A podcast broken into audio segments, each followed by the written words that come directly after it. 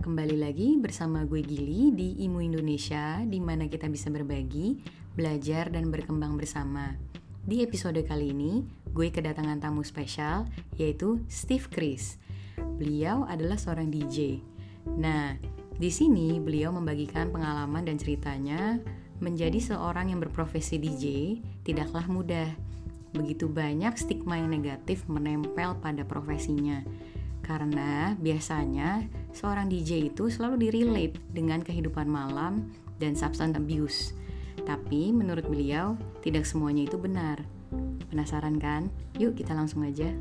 Two, one. Steve Christian. Christian. Hai. Apa sih? Steve Christian. Hai. Steve Chris lah. Steve Chris. Oke. Apa kabar, Pak? Baik. Gila Wah. banget ya kita Ih, ngobrol. Bang. banget. Aduh, makasih banget Bapak buat waktunya. Udah mau jadi narsum yang imu hari ini. Mau ditanya-tanyain masih pagi-pagi bolong, masih beler lagi. Lumayan. Aduh. Pak, Hmm. apa nanya dong? Pas lu dulu mutusin buat kuliah musik gitu, Ya. eh, sempat ditentang nggak sih sama keluarga lu atau gimana? Em, pastinya. pastinya karena gini, eh, di keluarga gue tuh nggak ada satupun yang apa ya bergerak di bidang seni lah. Maksudnya sampai bener-bener jadi profesional gitu kan. Eh, banyak kan yang ya biasalah standar lah gitu kan. Lihat kan muka gue kayak gini kan jadi pasti pasti kalau nggak di bisnis pasti pasti pasti ke arah situ gitu. Bisnis dokter dan segala macam ya. Karena atau apa namanya stigma orang orang orang tua pasti pengen anaknya mungkin melihat pro- profesi itu lebih apa ya lebih menjanjikan apa lebih oke kan gitu. jadi ketika gue memilih untuk eh, masuk milih untuk musik gitu ya eh, ditentang dan gue sebenarnya sempat akhirnya setelah dari SMA itu stop setahun gue jadi Ah. harus harus itu harus itu gue masuk kan gue masuk 2008 harusnya itu gue 2007 gitu. Kalau kalau eh, berdasarkan umur ya gitu. Jadi dari 2007 itu eh ini pertamanya nggak boleh. Oke jangan lah. Ambil jurusan lainnya. Oke akhirnya gue berpindah ke multimedia gitu lah. Multimedia multimedia eh, waktu itu di Surabaya. Em, sempet eh udah ini udah gue udah sempet pindah udah cari kos udah pindah udah udah intinya udah pindah Surabaya tinggal seminggu lagi gue masuk di eh, kampus itu. Terus habis itu tiba-tiba eh, orang tua gue telepon ya udah deh lu musik aja. Gitu dong gitu. Udah udah udah bayar udah segala macamnya gitu. Eh, jadi eh, dia ngomong ya daripada dari, daripada daripada kamu apa namanya terpaksa kuliah ntar takutnya ntar malah nggak karo-karo terus habis itu ntar eh, nggak jelas ya udah deh gitu.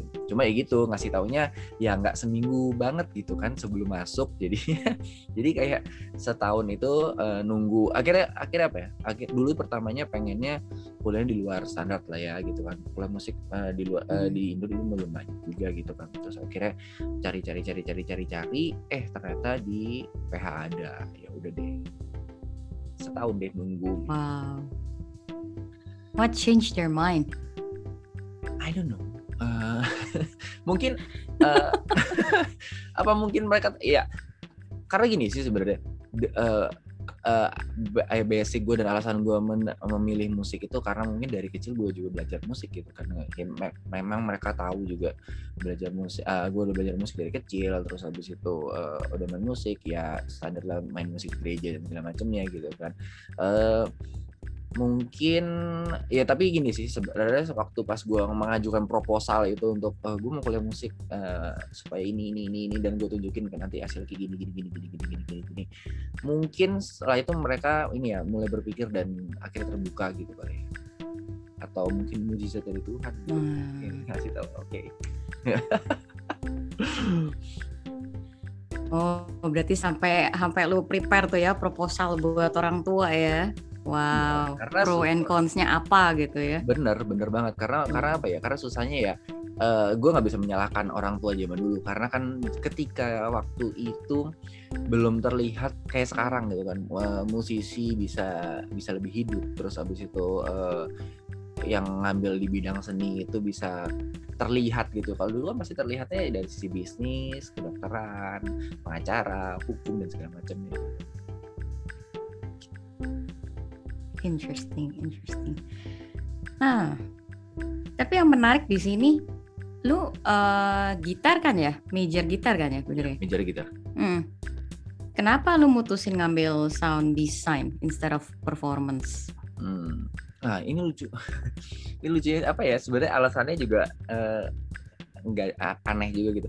Jadi ketika hmm, waktu itu karena gini, gue gue udah udah nyari nyari nyari, terus habis itu ketemulah UPH. Oke, okay, UPH uh, eh, dengan dengan knowledge gue yang yang pendek ya maksudnya gue nggak gue nggak nyari detail tentang itu pokoknya oh ternyata di Indo di Indo ada nih di UPH oke okay, that's it gue masuk situ pokoknya gimana ceritanya gitu jadi udah terus habis itu gue lihat uh, peminatannya ada apa aja terus habis itu gue gitar oke okay, dengan PD-nya gue oke okay, gue ngambil gitar begitu pas masuk uh, kan dulu kalau nggak salah ada orientasi berapa sih? Seminggu sebelumnya apa tiga hari sebelumnya gitu kan. Baru di situ mm -hmm baru di situ dikasih tahu uh, oh di di UPH itu ada peminatan ini ini ini ini ini. Pas gue wow banyak banget gitu kan. Terus habis itu kayak jadi nggak bukan kuliah musik yang main gitar doang that's it gitu kan. Begitu pas pemilihan itu gue gue mikir hmm ini kayaknya eh, gue agak salah nih salah karena maksudnya gue lihat apa namanya ya teman-teman sekitar gue yang apa yang yang ngambil gitar atau performance lainnya gitu gila jauh banget buset gitu kan. Gue mah gue mah kayaknya nggak ada ya nggak ada seujung kukunya nih kayaknya salah nih gue nih kayaknya terus abis itu ya udahlah. Akhirnya uh, gue lihat-lihat terus habis memang sebenarnya gue tertarik juga sama sound uh, dari dari recording dan segala macamnya gitu ketika dari SMA gitu. Terus pas gue lihat itu ini menarik juga nih sound design nih terus abis itu masih ada major gitarnya tapi itu itu bu eh masih ada instrumen gitarnya cuma itu bukan jadi nih yang utamanya gitu. Terus ah udahlah gue nyempung di situ lah. Uh, kayak, kayak kayak lebih menarik deh. Maksudnya berhubungan sama teknologi multimedia dan segala macamnya itu gue masih suka gitu ya udah akhirnya kecemplung lah tapi bener sih kalau misalnya gue ngambil performance ya lu lihat aja seangkatan gue dan Nenong dan segala macem nih itu itu gila gitu kan gitu ya bener gue gak ada gak ada seujung bukunya itu bener Aduh, jadi main nyebur aja lo ya tanpa mikir panjang lebar ya.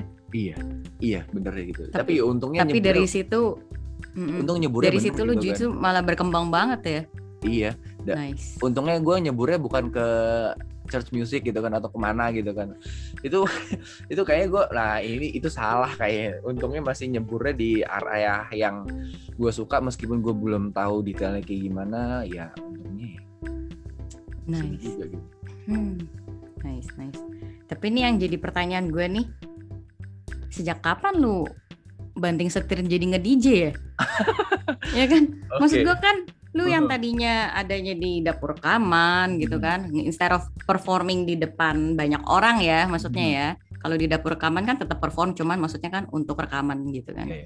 nah ini lu apa ada ngerasa alter ego lu yang perlu lu keluarin untuk lu tampilin di depan publik gitu oke okay. Jadi gini sebenarnya basicnya kenapa gue akhirnya memilih DJ dan ini sebenarnya pergumulan yang cukup lama ya. Ya kayak akhirnya gue oke okay, jadi uh, setelah lulus kuliah itu jadi basicnya awalnya tuh emang gue sebenarnya suka musik elektronik dan segala macamnya cuma maksudnya ketika kuliah gue diajarin bahwa uh, lu nggak bisa suka cuma satu genre doang tapi lu harus belajar semua genre dulu. Jadi lu harus bisa tahu semuanya gitu. Abis itu lu lu yang milih lu sukanya mana gitu. Meskipun lu misalnya misalnya gue suka elektronik gue belajar semua genre terus abis itu in the end gue bakal balik elektronik ya silakan gitu.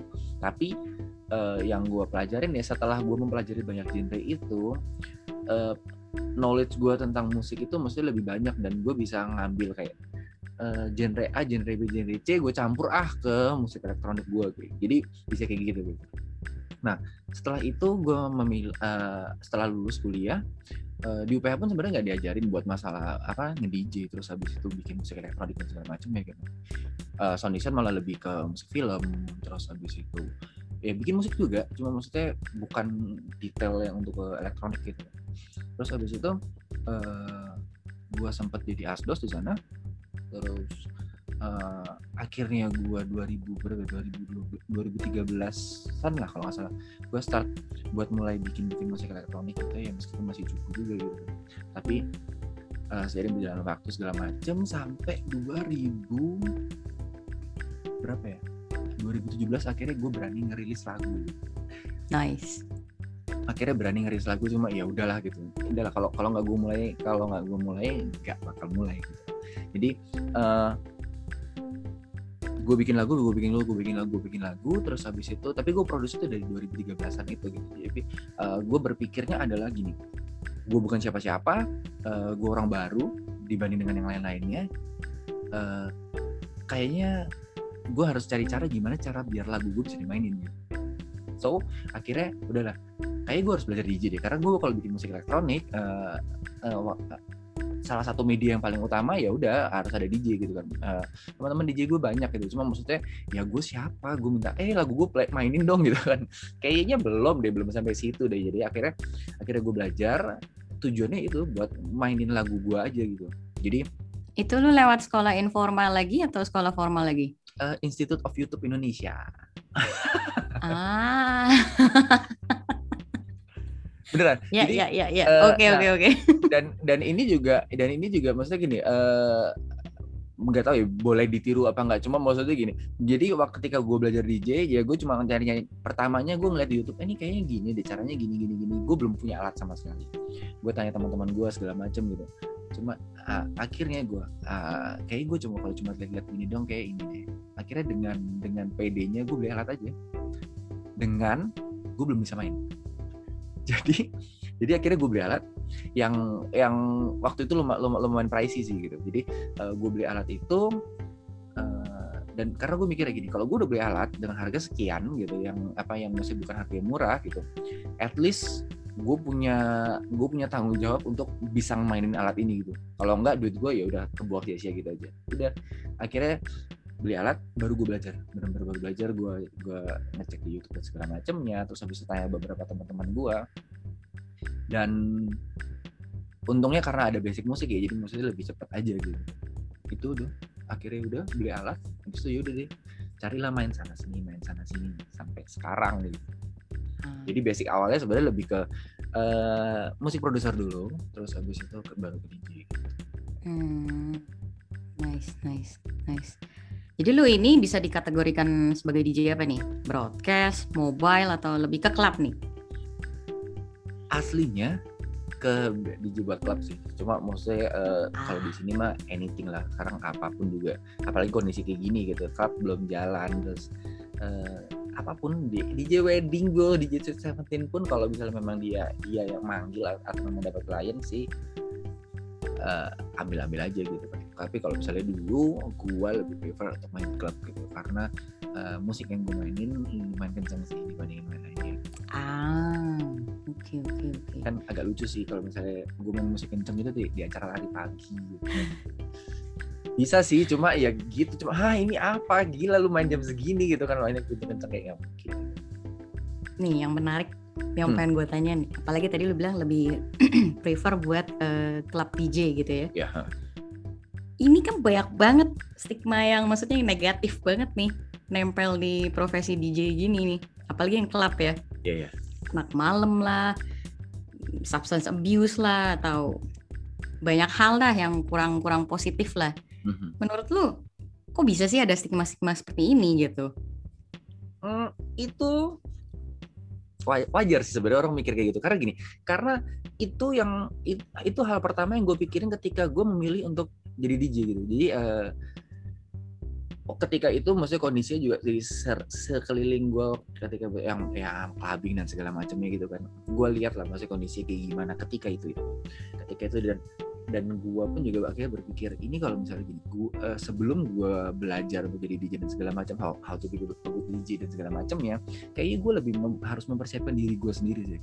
Jadi uh, kenapa tadi gue bilang uh, gue pergumulan agak lumayan panjang karena gue mikir itu jadi kayak uh, apakah gue bakal kuat di ranah itu gitu di da, di dunia itu yang yang orang-orang ngomongnya yang seperti itu gitu kan.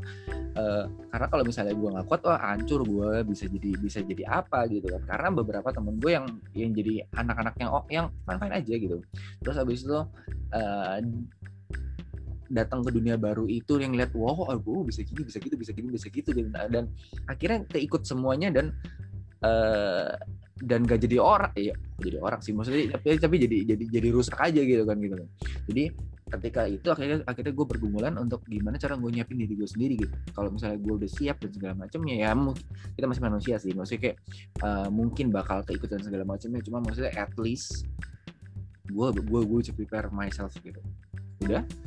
Gue udah prepare udahlah gue coba dulu deh gitu. Ternyata setelah gue masuk nggak gitu sih gitu. Nggak nggak nggak gitu gitu. Hmm. malah kayak stigma yang itu mungkin ya mungkin ketika zaman dulu mungkin kayak gitu gitu. Apa namanya uh, kalau gue uh, ngelihat secara history dan segala macam berapa itu gue ketemu sama DJ DJ yang senior yang sekarang udah umur 50 dan segala macam ya dia cerita ketika dulu ya memang kayak gitu gitu gitu. Tapi sekarang enggak sih gitu ya. Mungkin masih ada beberapa yang punya stigma negatif yang uh, DJ main malam satu pasti alkohol terus habis itu yang parahnya drugs terus habis itu free sex dan segala macamnya gitu um, nggak nggak kayak gitu kan. Lu, uh, lu percaya apa enggak? Gua salah satunya dan beberapa teman-teman gua kalau main nggak nggak minum malah nggak minum. Jadi jadi maksudnya nggak minum alkohol gitu gua selalu malah riders gua kalau misalnya main gua selalu minta either itu di rave festival yang gede atau klub atau yang gede atau kecil segala macam. Gue kalau renders gue main gue mintanya air es kalau enggak eh, kalau enggak es teh manis di stage beneran. Tapi kalau setelah itu setelah itu apa namanya mungkin abis itu bakal ketemu uh, uh, owner dan segala macamnya ya udahlah oke okay lah gitu. Selama gue bisa ngejaga diri gue gitu. Karena uh, kalau kalau dari kalau dari gue sendiri ya kayak lagi main nggak sober itu kayak capek jadinya gitu. Karena hmm. karena apa ya? Kayak nggak suka aja. Maksud karena gini karena karena uh, kalau jadi DJ itu masalahnya gini kalau apa namanya yang gue pelajarin dan dari teman-teman gue juga gitu lu tuh harus bisa baca crowd gitu kan. Lu harus bisa baca yes. crowd gini. Eh, jadi lagu yang lu mainin cocok nggak sama crowd ini gitu kan. Kalau misalnya nggak cocok ya lu harus ganti lu harus ganti gitu. Kalau misalnya ternyata cocok dengan dengan model yang uh, ngomong lain jenis yang A ini gitu. Ya udah lu harus mainin yang kayak gitu dulu gitu. Lah gimana kalau gimana lu bisa ngebaca crowd dengan bagus kalau misalnya lu aja lu aja tipsi gitu kan? Atau atau malah bisa mabok gitu kan gitu. Atau atau kena substansi lainnya gitu kan. Jadi kan eh, secara logika aja udah nggak masuk menurut gua gitu kan gitu. Karena dulu mungkin apa namanya pas awal-awal gitu kan eh, ketika gue masih trial error gitu juga lah uh, sebelum sebelum main terus sebelum minum dan segala macamnya. Apa ya kayak ngawang-ngawang nggak enak gitu loh aneh banget ya gitu. coba ada beberapa teman gue yang gini uh, kayak gue harus minum dikit deh biar apa ya biar biar gue lebih pede mainnya gitu. Ada yang gitu juga gitu jadi overcome ininya self esteemnya ya biar lebih ya benar uh jadi kayak biar biar gue bisa lebih tapi bener jadi kalau misalnya dia jadi nah, teman gue ini kalau nggak minum sama minum mainnya aneh mainnya beda banget gitu kan. Kalau minum sih kayak mainnya kok lebih enak ya lu mainnya gitu. Dia gue eh, gue tanya kenapa yang gini nggak tahu gue selalu kayak gitu aja gitu. Jadi apa ya balik lagi ke orangnya sih sebenarnya gitu. Karena gini uh, lu mau lu mau hidup di dunia malam ini apa dunia entertainment malam ini atau entertainment siang atau entertainment sore gitu kan. Selalu tetap mesti ada ah, tetap ada pilihan sih. Karena masalah lu masih hidup di dengan banyak orang dengan banyak pergaulan dan pengaruh gitu ya. Balik lagi ke lu nya gitu. Uh, ketika lu di area yang seperti itu lu mau ikut apa enggak? Itu itu doang sih menurut gue gitu. Makanya di awal gue mikir kayak gue harus nyiapin diri gue sendiri dulu nih. Kalau misalnya gue nggak kuat mending jangan. Daripada daripada udahlah jangan jangan apa ya jangan mencoba diri jangan main api. Iya benar gitu. Jangan mencoba diri sendiri lah. Kalau misalnya lu tahu di ranah itu lu belum kuat kayak jangan dulu deh gitu. Lebih itu sih gitu. Jadi apa stigma itu memang sebenarnya ada gitu. Cuma maksudnya gimana caranya lu nya sendiri untuk uh, overcome itu dan dan nggak ya dan dan nggak ngikutin itu gitu. Hmm. cuma nggak seburuk itu kok gitu sekarang itu hanya sepersekian ya. Mungkin kalau misalnya lu lihat apalah artis A artis B ketangkap narkoba tangkap ini dan segala macamnya gitu. Atau misalnya lu lihat di Instagram eh, video-video berantem mabok dan segala macamnya gitu ya itu ada gitu itu ada gitu. Cuma gimana cara lu menyikapinya aja sebenarnya. Hmm nice nice nice. Hmm berat juga ya. Jadi pas lu lagi mutusin mau cemplung ke dunia begitu, dunia DJ, apalagi malam pula gitu kan, yang kayak lu bilang gitu, ada tentangan lagi nggak dari keluarga tuh?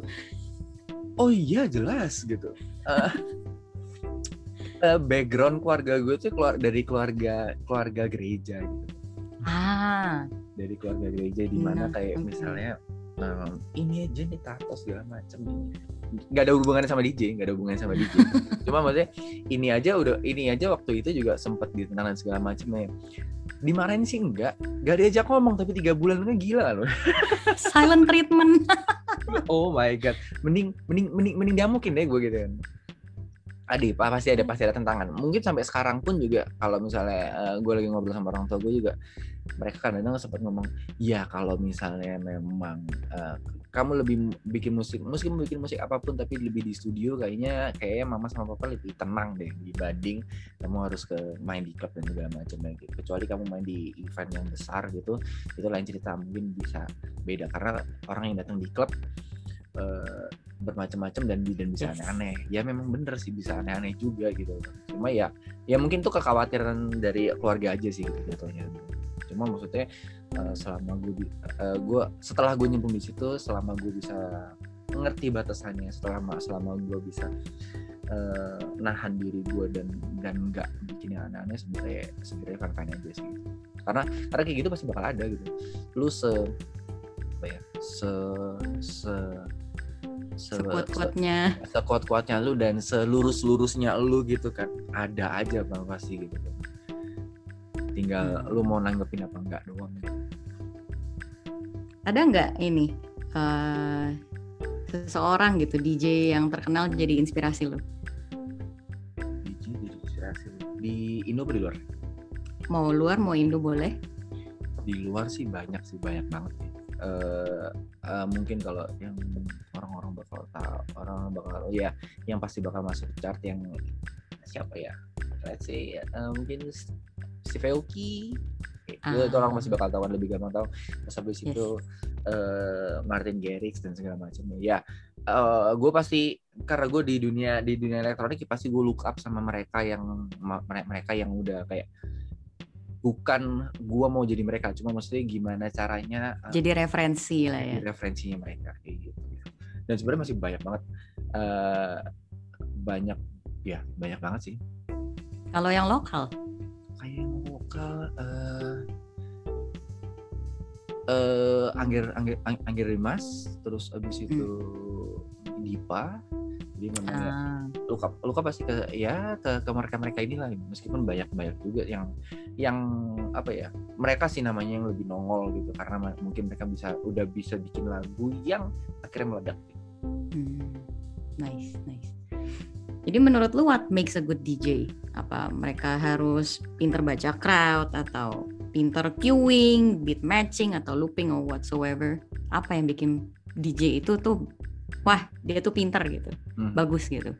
Um, ini sebenarnya agak apa ya agak rancu sebenarnya juga. Apa namanya uh, gue bingung juga sebenarnya DJ uh, uh, good DJ or not gitu. Jadi karena karena sebenarnya kalau dari sisi gue uh, enak apa enggaknya sebenarnya uh, DJ itu gini uh, kalau secara praktikal how how to mix dan segala macam itu sebenarnya gampang gitu karena karena pasti karena pasti bakal uh, lu mix dari player A ke B B ke A selalu kayak gitu doang tapi masalahnya gimana pemilihan lagu lu referensi lagu lu terus habis itu gimana cara lu apa namanya benar tadi baca crowd terus habis itu gimana cara build emotion build apa build tensionnya itu yang sebenarnya yang jadi yang jadi apa ya menurut gue itu salah satu yang, itu itu yang paling penting bukan masalah ya gimana cara kalau gimana cara mix mah udah pasti dia pasti gitu-gitu lagi aja gitu.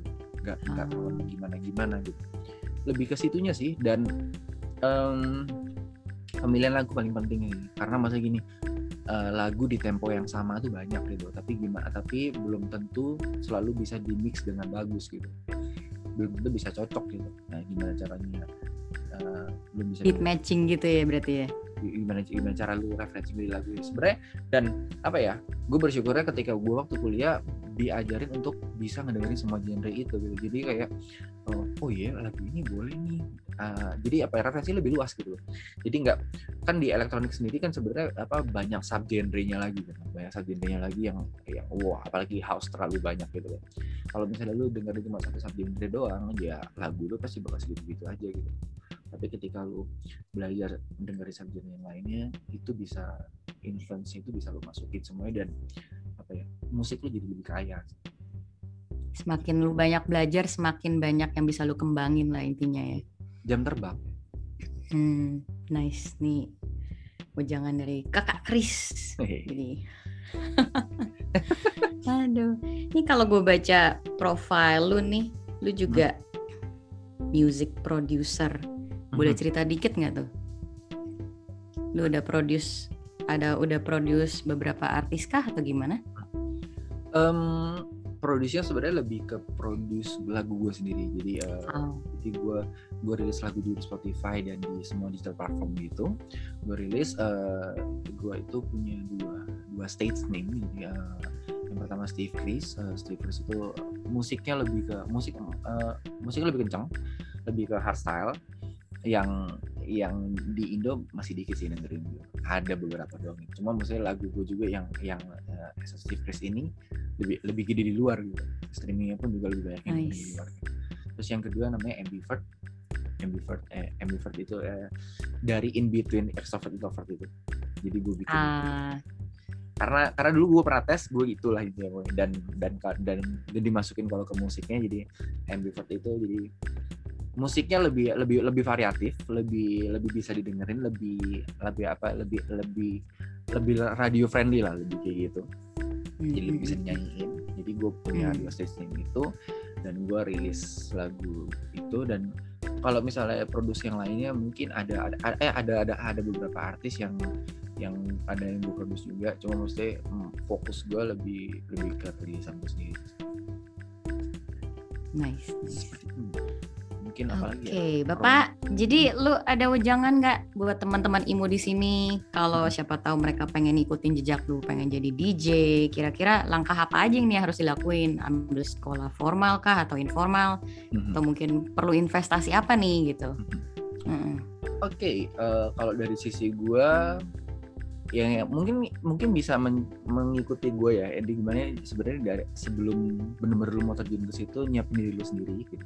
Karena di dunia apa saya di dunia itu masih banyak godaan dan segala macamnya. Kalau misalnya lu udah lu udah siap, go for it gitu. Tapi kalau misalnya kalau misalnya eh, karena yang tahu karena yang tahu kelemahan diri lu sebenarnya lu sendiri gitu. cuma gimana cuma masalahnya lu mau eh accept itu atau atau deny gitu. Masalahnya kan ya masalahnya kan banyak yang deny yang ah enggak lah gue kuat ah gitu. Begitu masuk eh kecemplung juga gitu kan.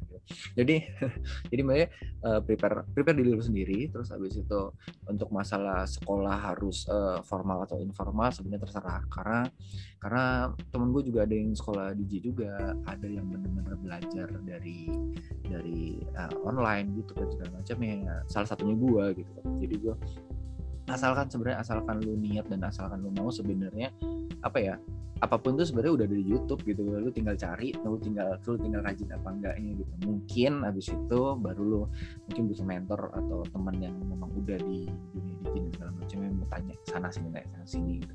Bisa kayak gitu juga. Terus habis itu kalau masalah investasi investasi alat ya mungkin em, kalau misalnya untuk untuk buat latihan mungkin boleh lah beli alat-alat yang, yang kecil yang misalnya harganya masih affordable buat latihan. Karena yang gue lakukan itu waktu itu yaitu gue beli alat terus habis itu gue latihan aja tiap hari setengah jam satu jam setengah jam satu jam. Karena masalahnya kalau misalnya gue nggak ngelakuin itu gue nggak bakal gue nggak bakal ngejar yang lain-lainnya gitu. Jadi lu disiplin ya sama aja lah kalau misalnya kayak waktu kita sekolah musik dan segala macam ya gitu loh sebisa mungkin lu belajar instrumen itu ya tiap hari gitu kan. Karena mau mau gimana pun itu kan apa ya uh, motorik kita dan dan memang dari otak gitu. Kalau misalnya lu tiba-tiba latihan latihan latihan terus habis itu lu skip hilang seminggu terus habis itu balik lagi ya pasti bakal kagok gitu. Gimana ya gitu. Ini pun juga karena karena pandemi aja udah udah lama banget nggak main gitu Terus- terus sempat kemarin ada ada event main online gitu itu aja kayak aduh gue takut nih gue takut salah pencet doang gitu kan lagi main salah pencet gitu kan ya kan nggak lucu gitu kan cuma ya gitu karena udah lama banget nggak nggak megang alat pasti pasti jadi kagok lagi gitu. Nah, ini yang pengen gue tanya. Tadi lu Mm. bilang latihan banyak kan? Mhm. Sedangkan kan lagu-lagu di nge-DJ itu kan nggak kecil suaranya. Heeh. Berarti itu juga mesti ada effort lagi untuk nge-build ruangan. Enggak sih sebenarnya. Eh, lu lu bisa pakai headphone atau earphone doang. Kan maksudnya Ah. hanya buat lu latihan doang kan. Ya kecuali Ah. lu memang punya ruangan yang memang bisa yang eh, ada ada dana lebih untuk ke situ silakan. Tapi menurut gua kalau bisa buat awal-awal baru belajar sih apa ya? uh, satu satu alat controller yang kecil yang pakai laptop terus habis lu pakai earphone aja sebenarnya cukup sih gitu nggak perlu sampai gimana gimana juga gitu. Hmm. Kalau dari gue sebenarnya pejangannya lebih ke apa ya? Lebih ke lebih ke lebih ke orangnya sih sebenarnya. Jadi kayak misalnya karena gini, dunia kayak gini tuh masalahnya nggak nggak ya? Nggak nggak nggak semudah itu jatuhnya gini. Apalagi misalnya gue dari sisi musik produser ya. Kalau dulu misalnya gue bikin lagu terus dan segala macamnya, lagu lu bagus, lu taruh di di platform itu meledak dengan sendirinya. Tapi masalahnya sekarang yang hustling yang apa namanya punya nama baru dan bagus-bagus itu banyak banget gitu. Banyak hmm. sangat banyak. Yang uh, gue sekarang umur tiga sekian gitu kan. Dan apa ya gue gue ketemu sama orang-anak produser Indo uh, daerah Jakarta daerah Tangerang segala macam ya. Umurnya berapa uh, udah rilis lagu di luar di label luar umurnya berapa? 15 16 bulan. What? Gitu kan. Gue 15 16 ngapain? Masih main basket kali gitu. Atau kalau nggak masih main game dan segala macam ya gitu apa ya makin ke sini tuh persaingannya makin banyak makin banyak dan apa namanya lo nggak bisa nggak bisa sekedar gue bukan mematahkan semangatnya kalian buat yang buat yang mau belajar uh, menjadi musik production dan uh, dan DJ gitu kan. Cuma maksudnya persaingannya banyak jadi apa ya lu tuh nggak bisa harus misalnya uh, gue udah bisa segini udah gitu nggak bisa. Lu tetap harus ngembangin terus ngembangin terus. Karena gini hmm. gue di umur sekian saingannya gue harus ke umur anak yang umur belasan umur 20-an dan segala macam ya gitu. Dan apa ya uh, tetap hustling tetap itu tetap apa ya satu lagi sebenarnya sabar sebenarnya. Karena masalahnya itu tuh semua pas bakal proses. Nah cuma masalahnya sabarnya bukan sabar bukan berarti lu santai-santai tapi lu tetap uh, lakuin apa yang lu apa yang lu lakuin dan segala macamnya konsisten yang lu, ya. ya konsisten apa yang apa yang lu bisa dan segala macam ya. Karena gini eh, nggak uh, bakal ada shortcut gitu. Karena masalah kalau shortcut itu pasti pasti endingnya juga apa ya shortcutnya bisa bisa bisa jadi ngebunuh lu lagi gitu. Jadi maksudnya uh, tetap lu pasti tetap harus ngikutin proses sih. Tapi ketika kalau tiba-tiba misalnya ada satu orang umur umur belasan tahun terus bisa ngeluarin lagu tiba-tiba lagunya meledak itu itu bonus sih sebenarnya gitu. Kalau misalnya bisa kayak gitu ya dengan dengan waktu yang cepat gitu dan, dan mungkin di di koneksi yang tepat dan di lingkungan yang tepat bisa kayak gitu. Tapi kalau misalnya enggak kebanyakan juga maksudnya uh, pasti bakal mikir setelah gue masuk aduh kapan ya gue gede ya? Kapan ya gue gede? Kapan ya gue gede? Itu yang gue pikirin dulu. Tapi masalahnya kalau misalnya gue mikirin itunya terus gitu gue nggak nggak berkarya sama aja bohong gitu kan. Jadi tetap tetap sabar tetap konsisten. Yang gue lakukan adalah uh, akhirnya apa ya? Gue ketika ketika ini ya ketika sebelum pandemi ya gue tuh selalu setiap bulan sekali tuh selalu ngeluarin lagu. Ngeluarin lagu ngeluarin lagu ngeluarin lagu karena apa? Percuma gue bikin lagu banyak-banyak terus habis itu kalau gue simpen di laptop doang gitu nggak bakal ada yang dengerin gitu. Jadi ya udah gue keluarin aja lagunya satu satu satu. Kadang banyak yang dengerin kadang yang enggak biarin aja gitu. Tapi lama kelamaan hasil itu akhirnya orang-orang bakal akhirnya orang-orang notice siapa sih ini? Tiap minggu ngeluarin eh tiap bulan ngeluarin lagu gitu kan. Uh, jadi akhirnya orang-orang oh ternyata dia gini. Iya berkembang gitu berkembangnya dari situ gitu malah uh, aduh gue lupa siapa yang ngomong kalau lu bisa ngeluarin lagu tiap hari keluarin gitu. nice. karena ya, ya gitu apalagi kalau misalnya lu bisa bikin lagunya gampang apa lu dengan mudah bisa bikin lagu atau mungkin banks lu draft lagu lu banyak banget keluarin aja gitu ngapain ngapain lagu itu lu lu simpen di laptop draftnya. Karena gini banyak kan gini orangnya masih baru belajar bikin lagu nggak dikelarin terus bikin lagi bikin lagi bikin lagi. Akhirnya akhirnya jadi cuma di satu folder gede yang disimpan aja gitu nggak dikeluarin sama sekali gitu.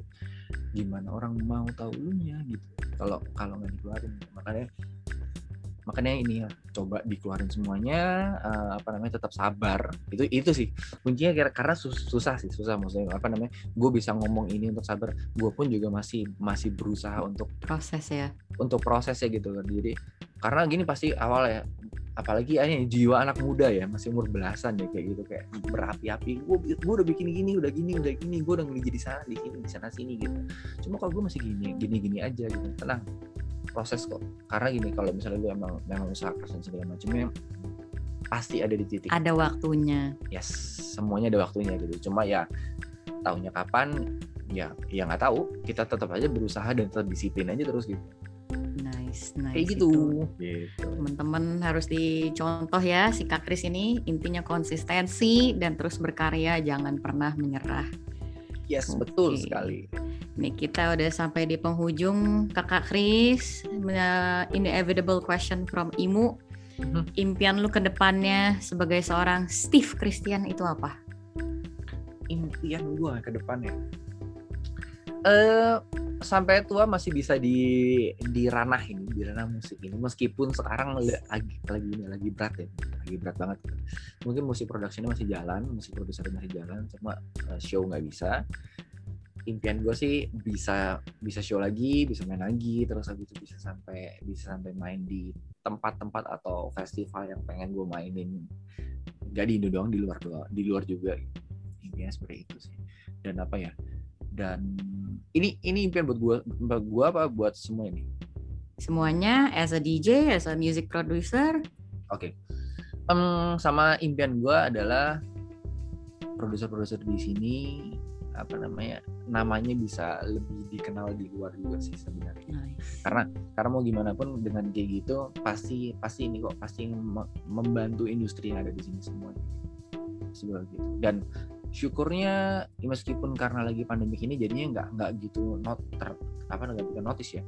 Banyak sebenarnya nama-nama baru yang rilis di luar terus ternyata itu collabnya sama Martin Garrix dan segala macamnya ada loh nam- cuma Wow. kurang ter kurang kurang kelihatan gak karena ya karena lagi pandemi ini mereka akhirnya cuma ngeluarin lagu doang.